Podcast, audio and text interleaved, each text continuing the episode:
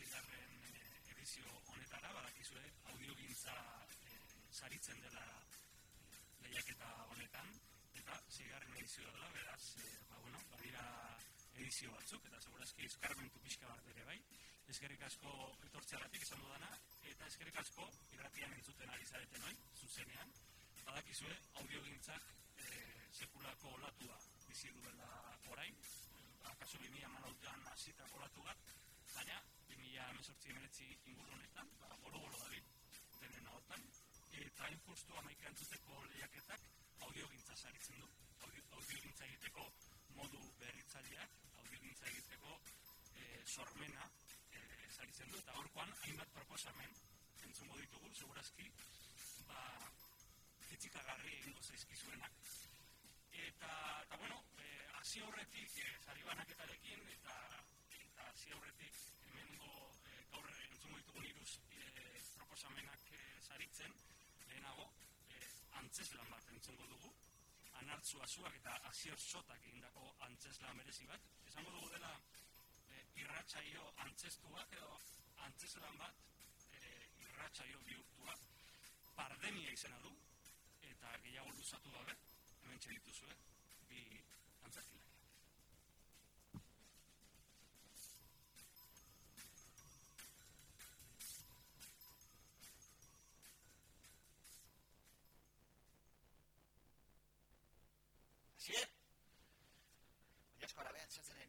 Asier! Bai, bai, bai, bai, bai, jode, entu zer. E, e, oia asko alabean sartzen egin. Nik ere, nik ere, nik ere. E, buenan hartz. Ape. Hau, ba, zemuz. Ondo? Ondo, bai, bai, zemuz familia. Ederki. Txakuna. E, lotuta. Tatua. Lasai. Zure arrain naranja. Ba, pezeran konfinatuta.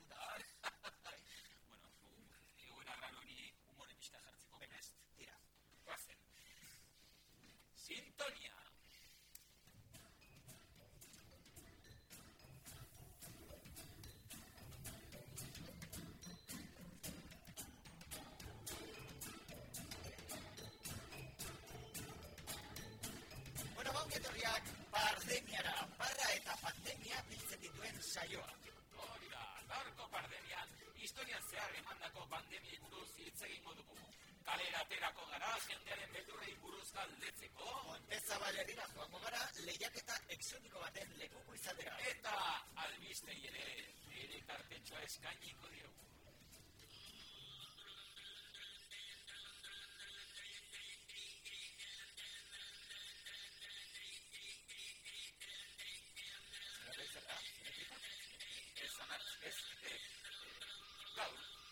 Historian zehar pairatzen ari garen pandemia hau, ez da txinan jatorria duen lehenengoa. Dokumentatuta dagoen lehenengo tarikoa, mila irureun da berrogeita zeigaren urtean eman zen. Izurrite beltza hain zuzen ere. Europar biztanlegoaren erena eraman zuela.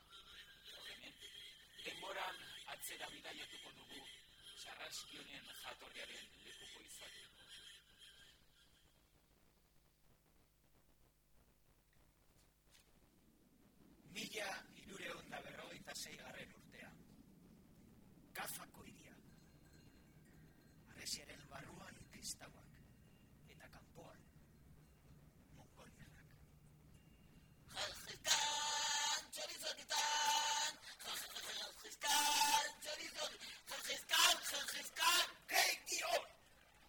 Zara jajizkanen dendan sartu.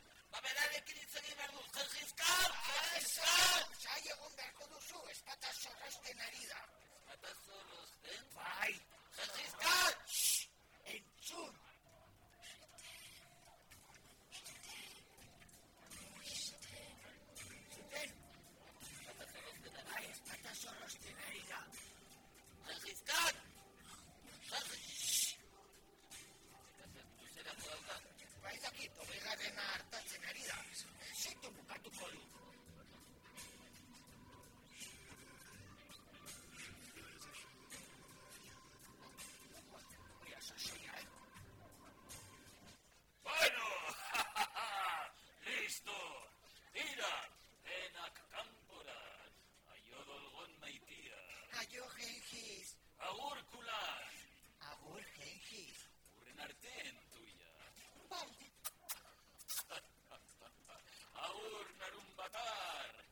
Agur, Gengis.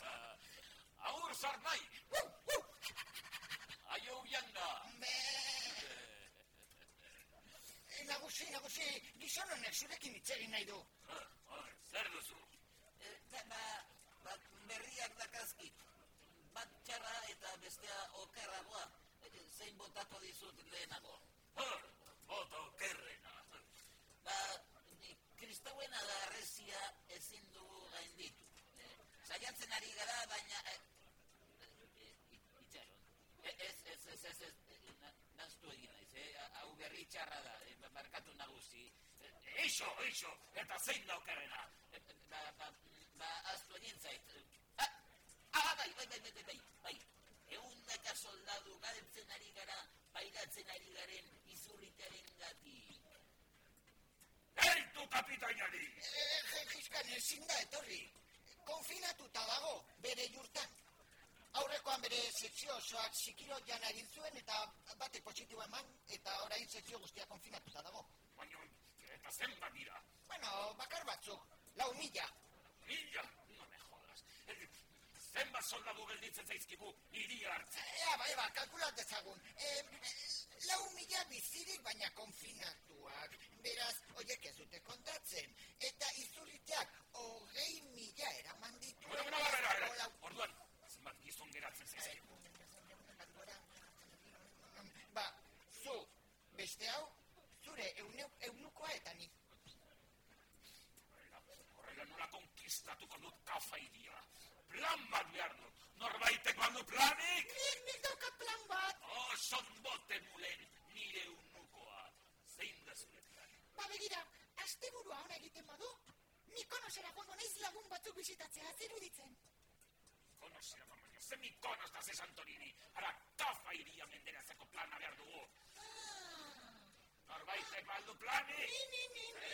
Eh, eh, Begira, nire oinak txurez margotuko ditut. Atea jo, eta antxumen amara izela esango diet.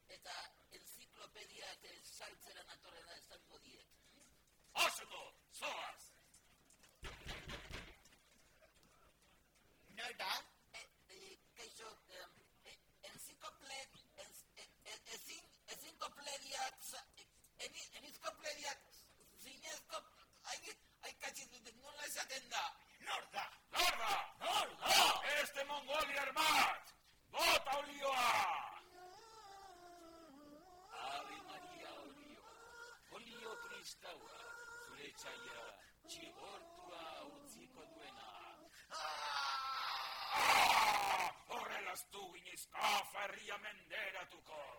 Eh, Gengis, ideiatxo bat daukat. Bota, Izurrite beltzaren gatik usteltzen ari diren gorpu guzti hauek, katapultetan jarri eta hiribarrura botatzen baditugu, kafako kristau guztia kutsatu eta iria geure ganatu dezakegu. oso hori da! Bai! Ekarri katapultak eta bota gorpuak kafa barrura!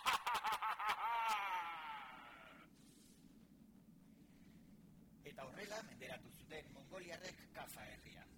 Jakin gabe, lehenengo gerra biologikoa asmatu zuten, eta bide batez, Europa kontinenteko erena hil zuten.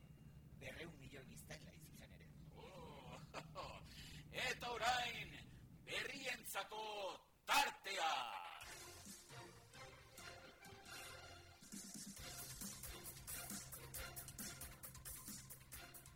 Zientziari batzuek COVID-19 Barcelona larogeita mabiko COVID maskotaren mutazioa dela deskubritu dute.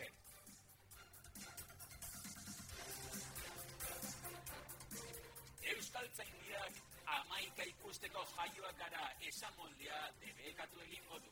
Horren ordez, gehienez sei eta gabonetan amar ikusteko jaioak gara esamoldea erabiliko da.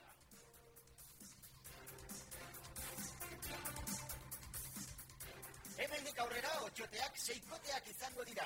Soberan dauden bi horien elkarteak kale protesta egin du bi bi bi ez nahi zondo ibili lelopean.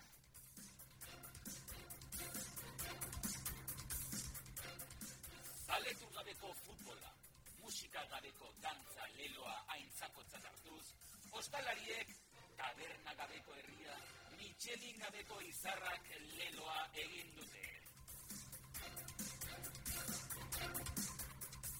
Donostiako udaletxeak dio, Donostiarrek gabon hauetan herri mugakidez gain, hiriarekin seniretutako hiriak ere bisitatu halko direla.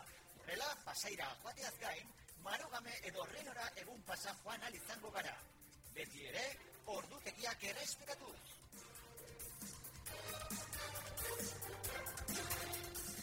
Ventrilokoak aserre agertu dira. Beraiek eta panpinaren arteko distantzia metro eta erdikoa izan behar delako. Horrela, ez dago lan egitenik, esan du Jose Luis Moreno. Fermin Muguruzak bere azken lana argitaratu du. SARS-CoV-19 du Brigada Bat Sound System World Tour izenburuarekin. Bejon deizura, Fermin.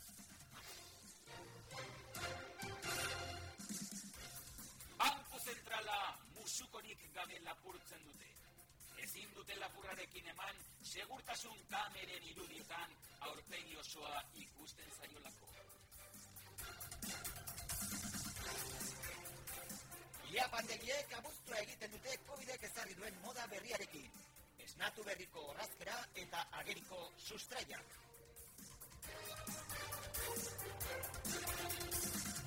Moda diseinatzaile donostiarrek negurako horregito dun musukoa asmatu dute.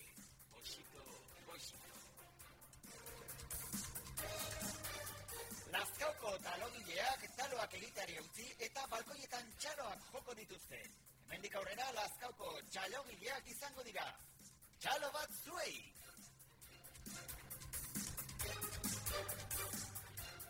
Eusko jaurlaritzak COVID-aren aurkako txertoa jartzeko lehentasuna duten taldeen zerrenda. Lehenengoak medikoak izango dira, gero arrisku taldeak. Ondoren atletik, erzaintza eta arakinak. Birritz, porrotx eta bertsolariak repeskan erabakiko dira. Eta orain, hurbil gaitezen ambulategira PCR frogak nola doazen ikustera. E, e, bai, bai, arratzen lehon asier eta hemen nago, amara berriko ambulategian eta gaurkoan historia ez oiko bat dakarrezkizuet. E, hemen nire ondoan edorta redondo daukat, eta gaurkoan PCR-a egiteko arrazoi berezi bat dauka, ez alda, ala edorta? Bai, bai, ba, alatxe da bai. E, Ilabete hauetan, e, bueno, pues, positibo kasua e, gonazko tendentzi karagarri bat izan dutela ikusirik, eta batit bat nire alabak duen beldurra ikusita, ba, bueno, e, nik e, nire kabuz PCR-a egitea animatu naiz. ea, ea ongi ulertzen dudan, e, beraz, ez zara behartuta etorri, bolondrez moduan etorri Bai, zara. bai, guztiz. E, alabari Oh, baloreak erakustean ato. Oiek bai potroak edorta, bai.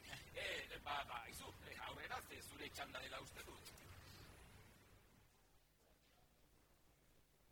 Bai, e, kexo, e, bueno, bezer egitera nator. Hau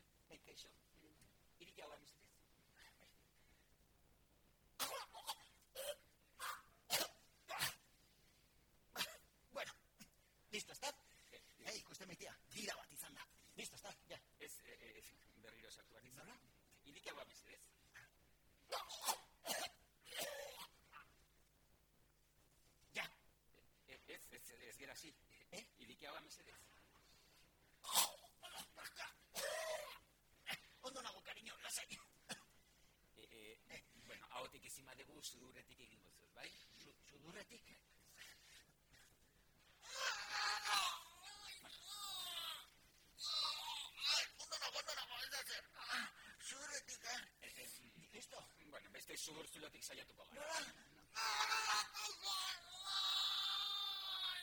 Ai, cariño, amari deitu, eta esan etortzeko. Beno, sudurretik eta ahotik hartuko dugu, bai? Eh, Cariño, Mari esan, zea praka garbilak eta, eta kaltzotziak ekartzeko.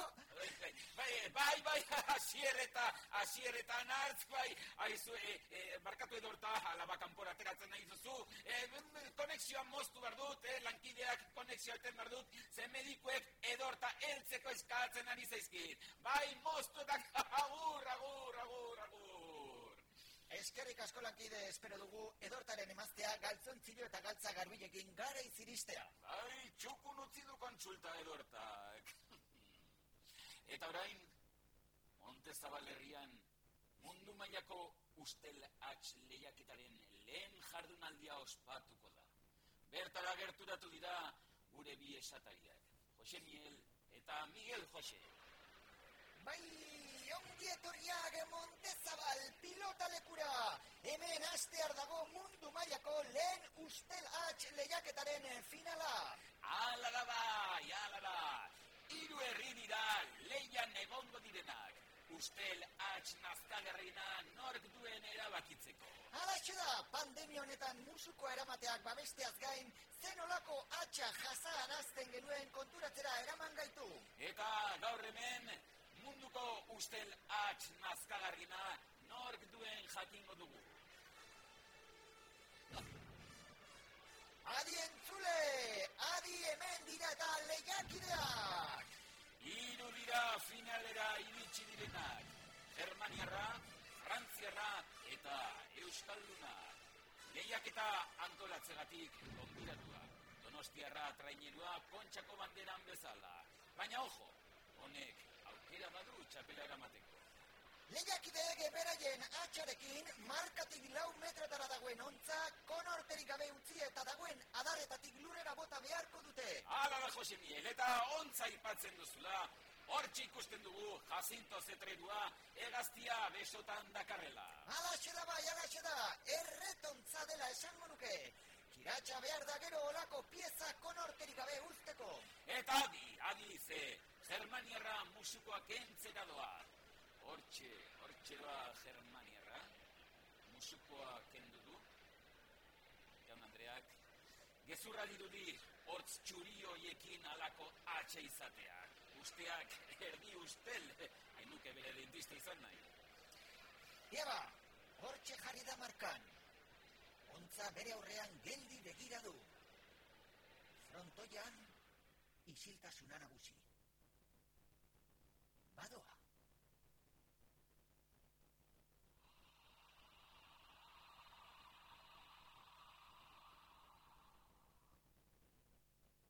Atxa bota du, jaun Andreak. Ontzak egoak astintzen ari da. Ea, ea zer gertatzen den. Eta ez, ez, ez du ontza botatzea lortu.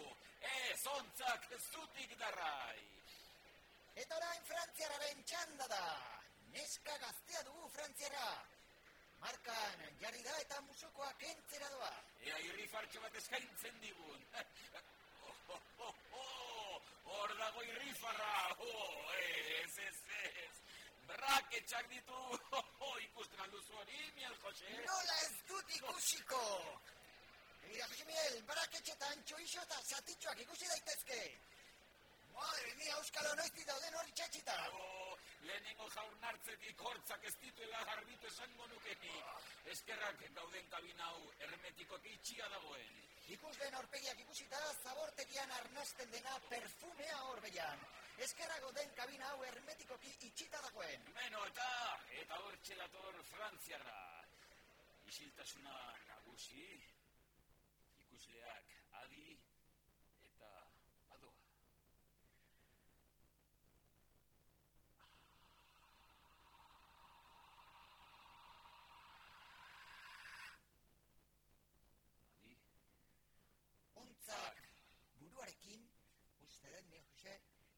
da irurogei graduko buelta eman duela. Baina... Badirudi oreka galtzera doala. Baina... Ez! Ez, ez, ez! Hortxe tinko larrai! Ontzonek, aguante itzela du! Ez ordea zuaitzaren ondoan dauden bost epailea! Ah, hor datoz, kamilera korrika! zer gertatzen zaie, zer gertatzen zaie. Zer gertatuko zaie ba, oksigenoa eskatzen ari direla, badirudia txak suaitzaren inguruan jarraitzen duela. Ah, bai, bai, bai, eta eta adinze, antolatzaileek amar minutuko eten alditxoa ezarri dute ingurua ireatzeko. Beraz, iragarki batzuk eta herriz gara zuekin.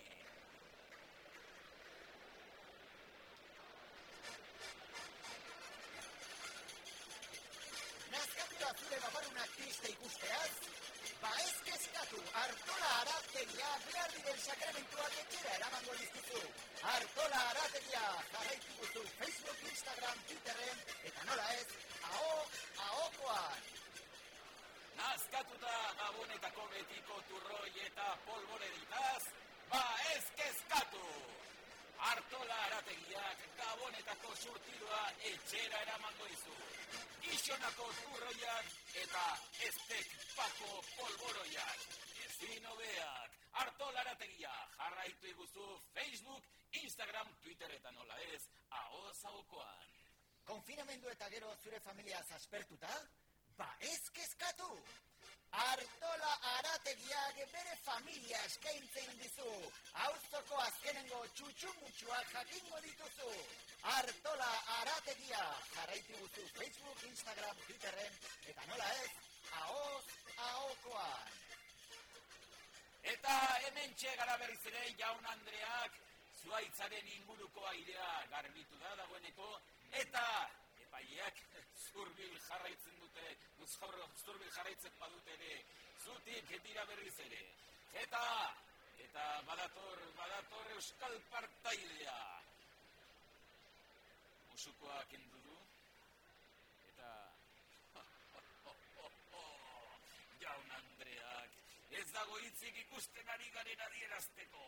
Musukoaren azpian purua piztuta saldu da, zotz eta guzti. Oh, ea, keak, hau ikusten uzten digun. Aitaren ta semearen ikuiu zolo garbiagoak ikusi ditut nik. Eta hortxe, hortxe doa markara. Ontza begiratu du. Ea zer egiten du. Joaquin, herria zurekin pankart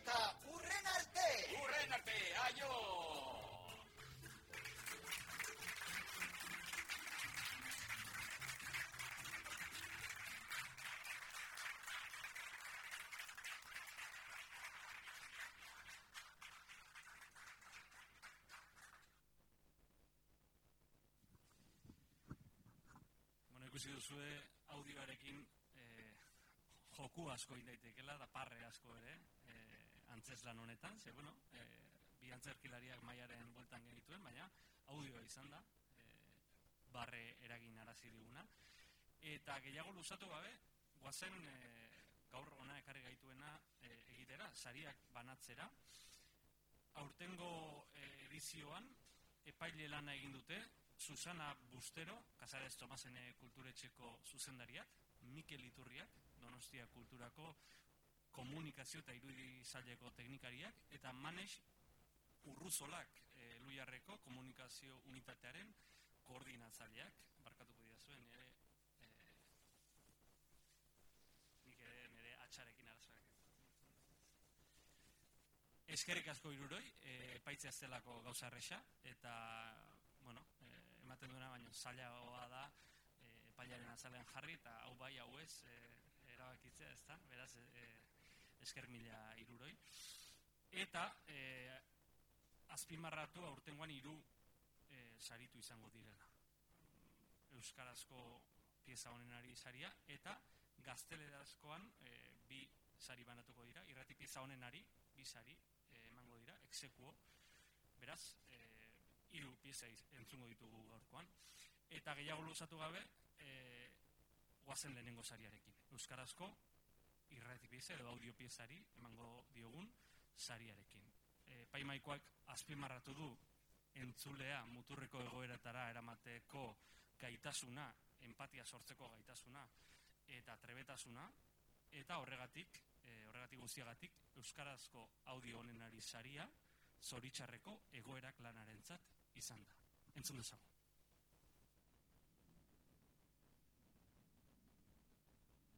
Bueno, hause da egoera. Itxasondoan zaude. Honik zituen altxorrak miresmenez behatzen dituzu. Arroka poligonalak, kolore berdez jositako itxasalgak, zure albotik pasatzen ari den arrain sarda. Urak egiten duen soinuaz kosatzen duzu, zure besoak zinanka kastiro mugitzen dituzunean. Inoiz ez bezala, lasai zaude. Hala ere, ez duzu horren motiborik. Izan ere, duela bos minutu, beste berrogeita mar lagunekin batera bideiatzen zenuen ontzia onduratu da. Eta zu jakina, arekin batera. Igeri egiten ikasi izan bazenu, ura gainean flotatu, eta seguru asko kilometro gutxira duzun ibaiertz batera iritsiko zinateke. Horrela, zure hitza betetzeko aukera izango zenuen. Perintxulare iritsi, lan bat aurkitu, eta zure senidei bidirua bidali. Baina ez. Orain, behar bada bi minuturen buruan, zure birikak ure zestaliko dira. Hiru barru, konorteri gabe gelituko zara. Eta bos barru, bos barru seguru aski arestian aipatutako arrain horien janari bihurtuko zara.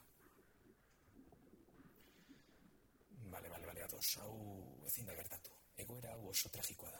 Ikus ez dago. E, tira, hartasoro baten erditik horrik azabitza. Ekaitz batek eragindako euritantek aurpegi gainean jotzen dizute. Baina horrek ez dizu asola, ezerk ezin zaituelako geliarazi. Edo bai, baliteke zure ingurutik erortzen ari den bombaren bat izatea, zurekin zijoazen soldadokideekin egin duen antzera. Edo, baliteke zu bezala pentsatzen, baina kontrako bandoren alde borrokatzen duen soldadu batek, zure gorputzean apuntatu eta asmatu arte tiro egitea. Behar bada binitu potxiren kontua da, edo hobe esan da, segundo kontua, maite dituzun guztiak berriro ez ikusteko. Bale, bale, bale, ados, hau ere ezin da gertatu. Egoera hau ere oso solitzarrekoa da. Tira, oraingoan etxeko sofan etzan da zaude, egun gogor baten ondorioz. Kanpoan sekulako hotza egiten duenez, ondoko txibinia piztuta utzi duzu. Suaren beroa barnean sentitzen duzu, eta horren poderioz, ia ardilotan utzaude. Baina mesedez, zuk ez duzu inoiz txibiniarik izan, funtxean duela pare bat ordu sakarrontzitik hartutako berogailu bat piztu zenuen, urteak daramatzana berikusi gabe. Laster, ura lehertu eta duela aste batzuk okupatu zenuen etxea sutan hasiko da. Baina ordurako, zuk eta zure ingurukoek behar adina karbono monoksido arnastuta izango duzue, eriotza gozoa deritzona jasanez. Haien, uste dute goera hau ere tragiko dela. Ez, ez, ez, ez zuetzara etxe horren barruan dagoen pertsona. Ez da ulergaitza den gerra hartatik, ies egiten saiatzen ari dena. Ez da itxasoan ontzi horrekin batera andoratuko dena ere.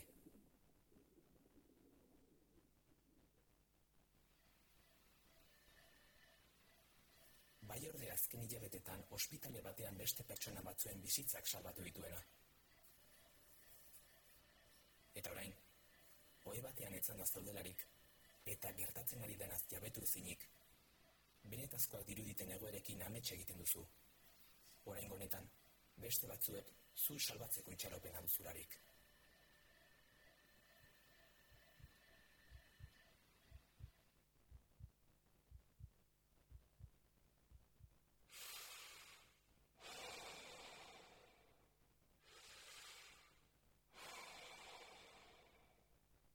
Zorioneko azarela dirudi.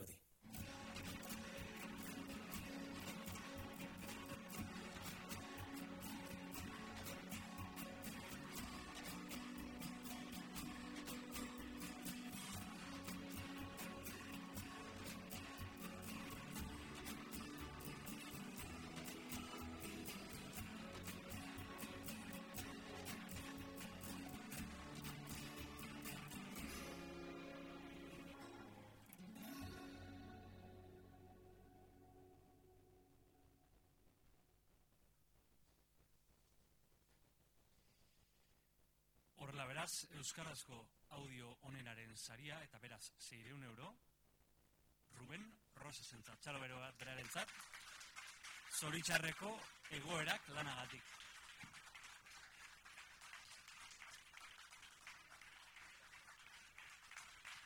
Saria Joni Insausti kultura eta euskara zinegotziak emango dio.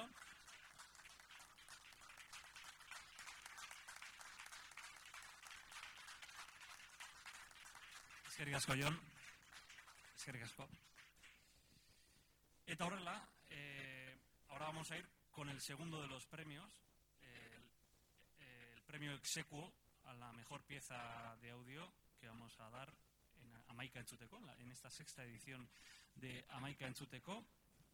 El jurado ha, ha determinado que se trata de un trabajo que combina de forma muy efectiva el periodismo, la situación en el Sáhara y la literatura y el humor, y que son destacables los guiños al oyente. Y por, y por todo ello, el premio exequo a la mejor pieza de radio es para El escritorio de los tártaros. Vamos a escucharla.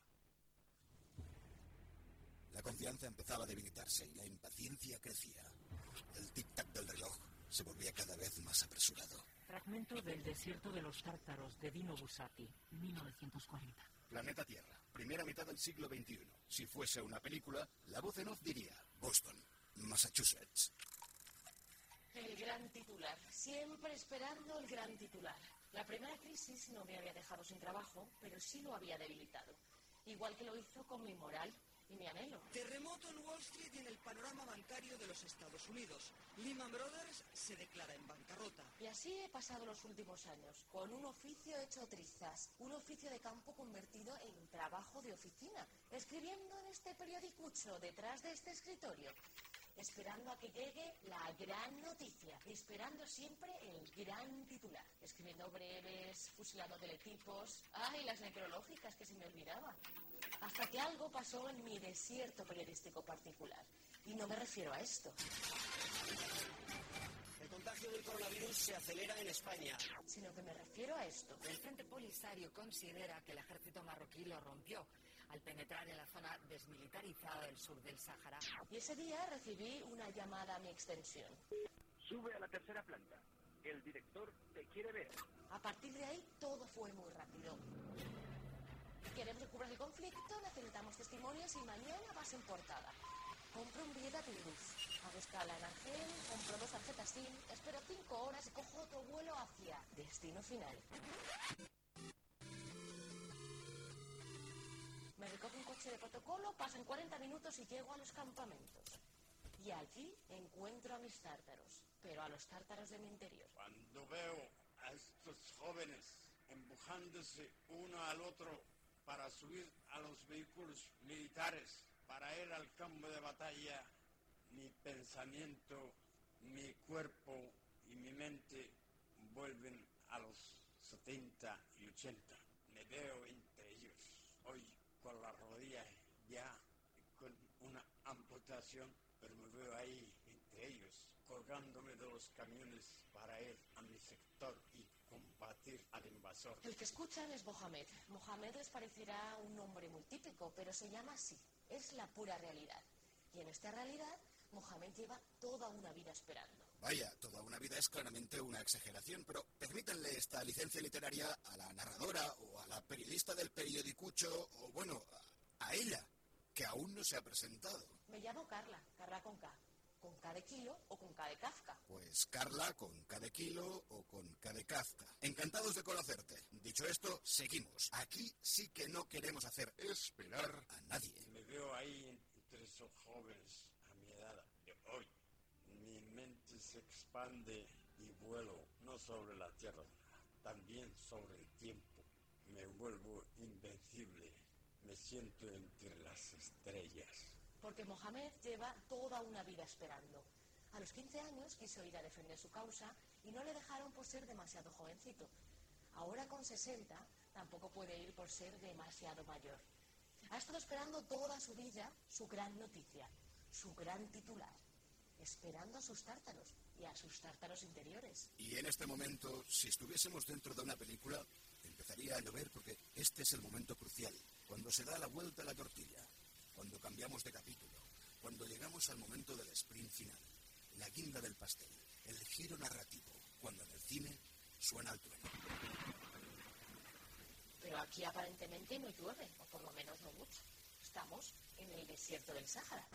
Pero un momento, ¿quién narra aquí, tú o yo? Perdón, Carla con K de kilo o con K de Kafka. Sigue, no queremos esperar más. Queremos el final de esta historia quizás trepidante. Bueno, trepidante no sé si lo es, pero sí al menos revelador. Salí de Sahaima después de entrevistar a Mohamed y miré hacia arriba, ese cielo, y pensé en Dino Busati que habría dicho algo como... La luna brilla alto en el cielo y parece que no tenga ganas de bajar nunca al amanecer. Gracias, voz en off intrometida. Pero lo mejor del caso es que entendí algo, que las historias están ahí y que podemos cambiar el sentido de nuestra existencia si dejamos de esperar. ¿Y cómo titulaste tu reportaje? Lo quería titular El desierto de los tártaros, pero lo titulé El escritorio de los tártaros.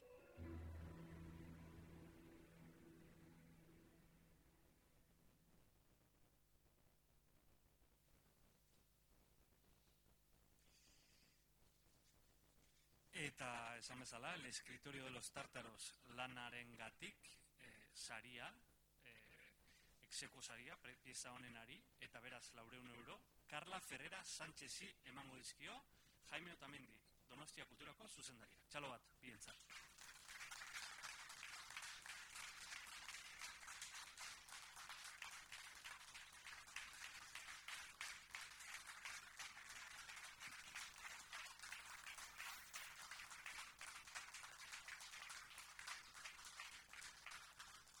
Eskerrik asko Karlari, Madrildik etorri baita saria jasotzera, eta benetan eskertuta gaude Donostia Kultura irratitik, ba, ba horrelako bidaia egin izanagatik, batez ere horrelako garai eh, ankerretan, ezta? horrelako garai arraroetan. Jarraitu dezagun, eh, jarraian, exeku beste saria zautzeko. Eh, pieza honenari, emango diogun, bigarren saria. Die Bruke,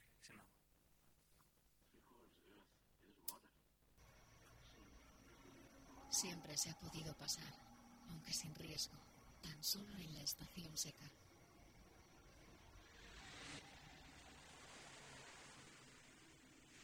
Tomamos entonces las playas salvajes al otro lado de la ciudad y levantamos, ahí en la isla, grandes toldos bajo los que resguardar a nuestras familias de los fuertes vientos que desde ningún lugar arrecian sin aviso llevándose a su paso los improvisados campamentos del verano, la insalubre paz de los domingos. En la ciudad nos gusta fotografiar todas estas escenas de huida, los eclipses, la desaparición del sol, enterrado bajo una nube de arena.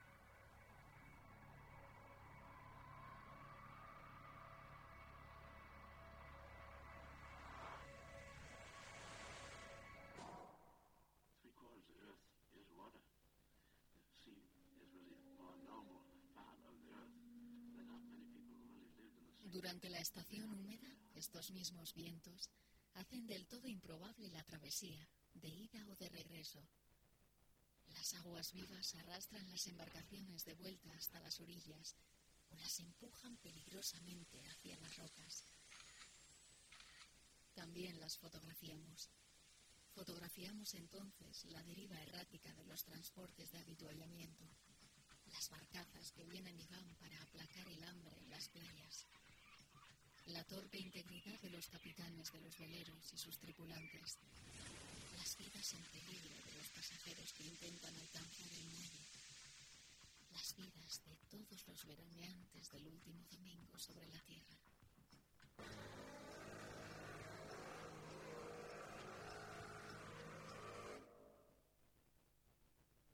Y es por eso por lo que necesitamos el puente. Sin el auxilio de un puente, el viento crudo bate la lluvia sobre el embarcadero. Se suspenden los servicios de transporte de pasajeros entre líneas. Confinados entre mareas, y nadie logra volver. Durante meses nos quedamos entonces varados en la isla. Nada se teme más que nacer en ese lado en sombra de la ciudad.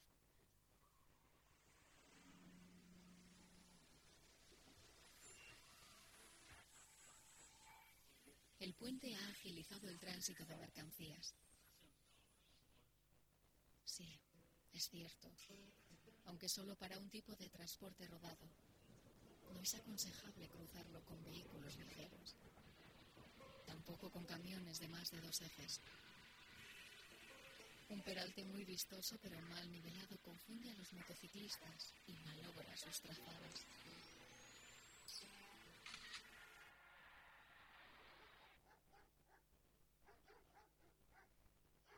Las mareas vivas de cada tarde, después de arañar las rocas y los cimientos del embarcadero, empapan la superficie del puente de un légamo húmedo y resbaladizo.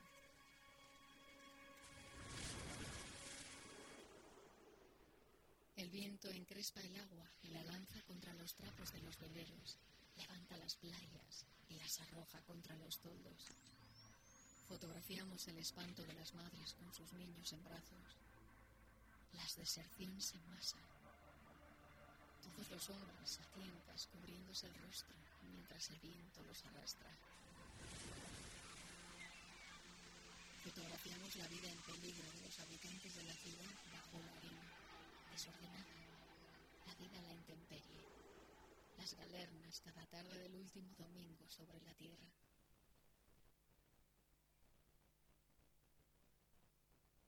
Nunca ha sido más peligroso aventurarse dentro o fuera de la isla.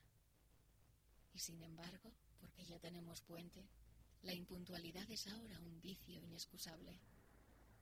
El puente es perfecto, pero al parecer no nos sirve. Se han enviado expertos a todas las otras ciudades con puente, emisarios en tierra extraña. Aguardamos, impacientes, alguna noticia.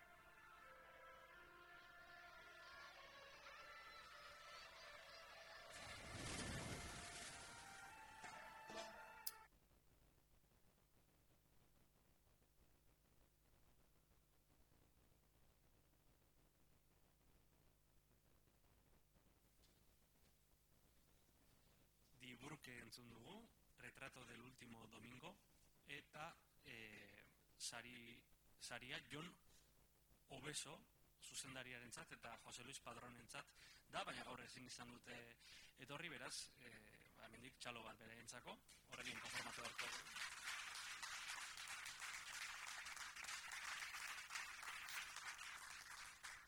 Eta epaimaikoak azpimarratu du pieza literarioa dela, maila tekniko bikaina duela, eta mimoz editatua eta detailez josia dagoela. Beraz, e, ikusi entzun duzuen bezala, ikusi ez, entzun duzuen bezala, e, irugarren pieza ere ederra, irurak ere ederrak, eta, eta horrela, e, eskertu antolatzaileei, eskertu Donostia Kulturari, Donostia Kultura Irratiari eta Epaimaikoari, azpimarratu berriz ere audiogintzak e, loraldi bat bizi duela eta eta audioak e, irratiak esaten dugu, ezta? Eta eta irratia betirako izango da segurazki, ez? Baina baina audioak baduela zerbait berezgarri egiten duena. Mm, zera bat, ez? E, entzuten dugun hori norberak modu oso ezberdinean imaginatzen duelako eta horrek imaginatzen duguna beti delako e, askoz ere potenteagoa ikusten duguna baino. Eta, ba, bueno, audiogintzak bizi duen loraldi honetan horrelako sariak, ba, zergatik ez, ez? Audiogintza azten duan ere, hasi daitezela. Espero dugu urrengo urteetan ere jarraitzea sari honek, eta hemen elkartzea guztiok, audiopieza ederrak entzutera. Besterik gabe, eskerrik asko berriz, eta amaitu dugu ekitaldia, mesedez, eh, ez jeiki oraindik, itxaron langileen eh, azalpenei, beraiek lagunduko digute, modu ordenatuan ateratzen. Eskerrik asko.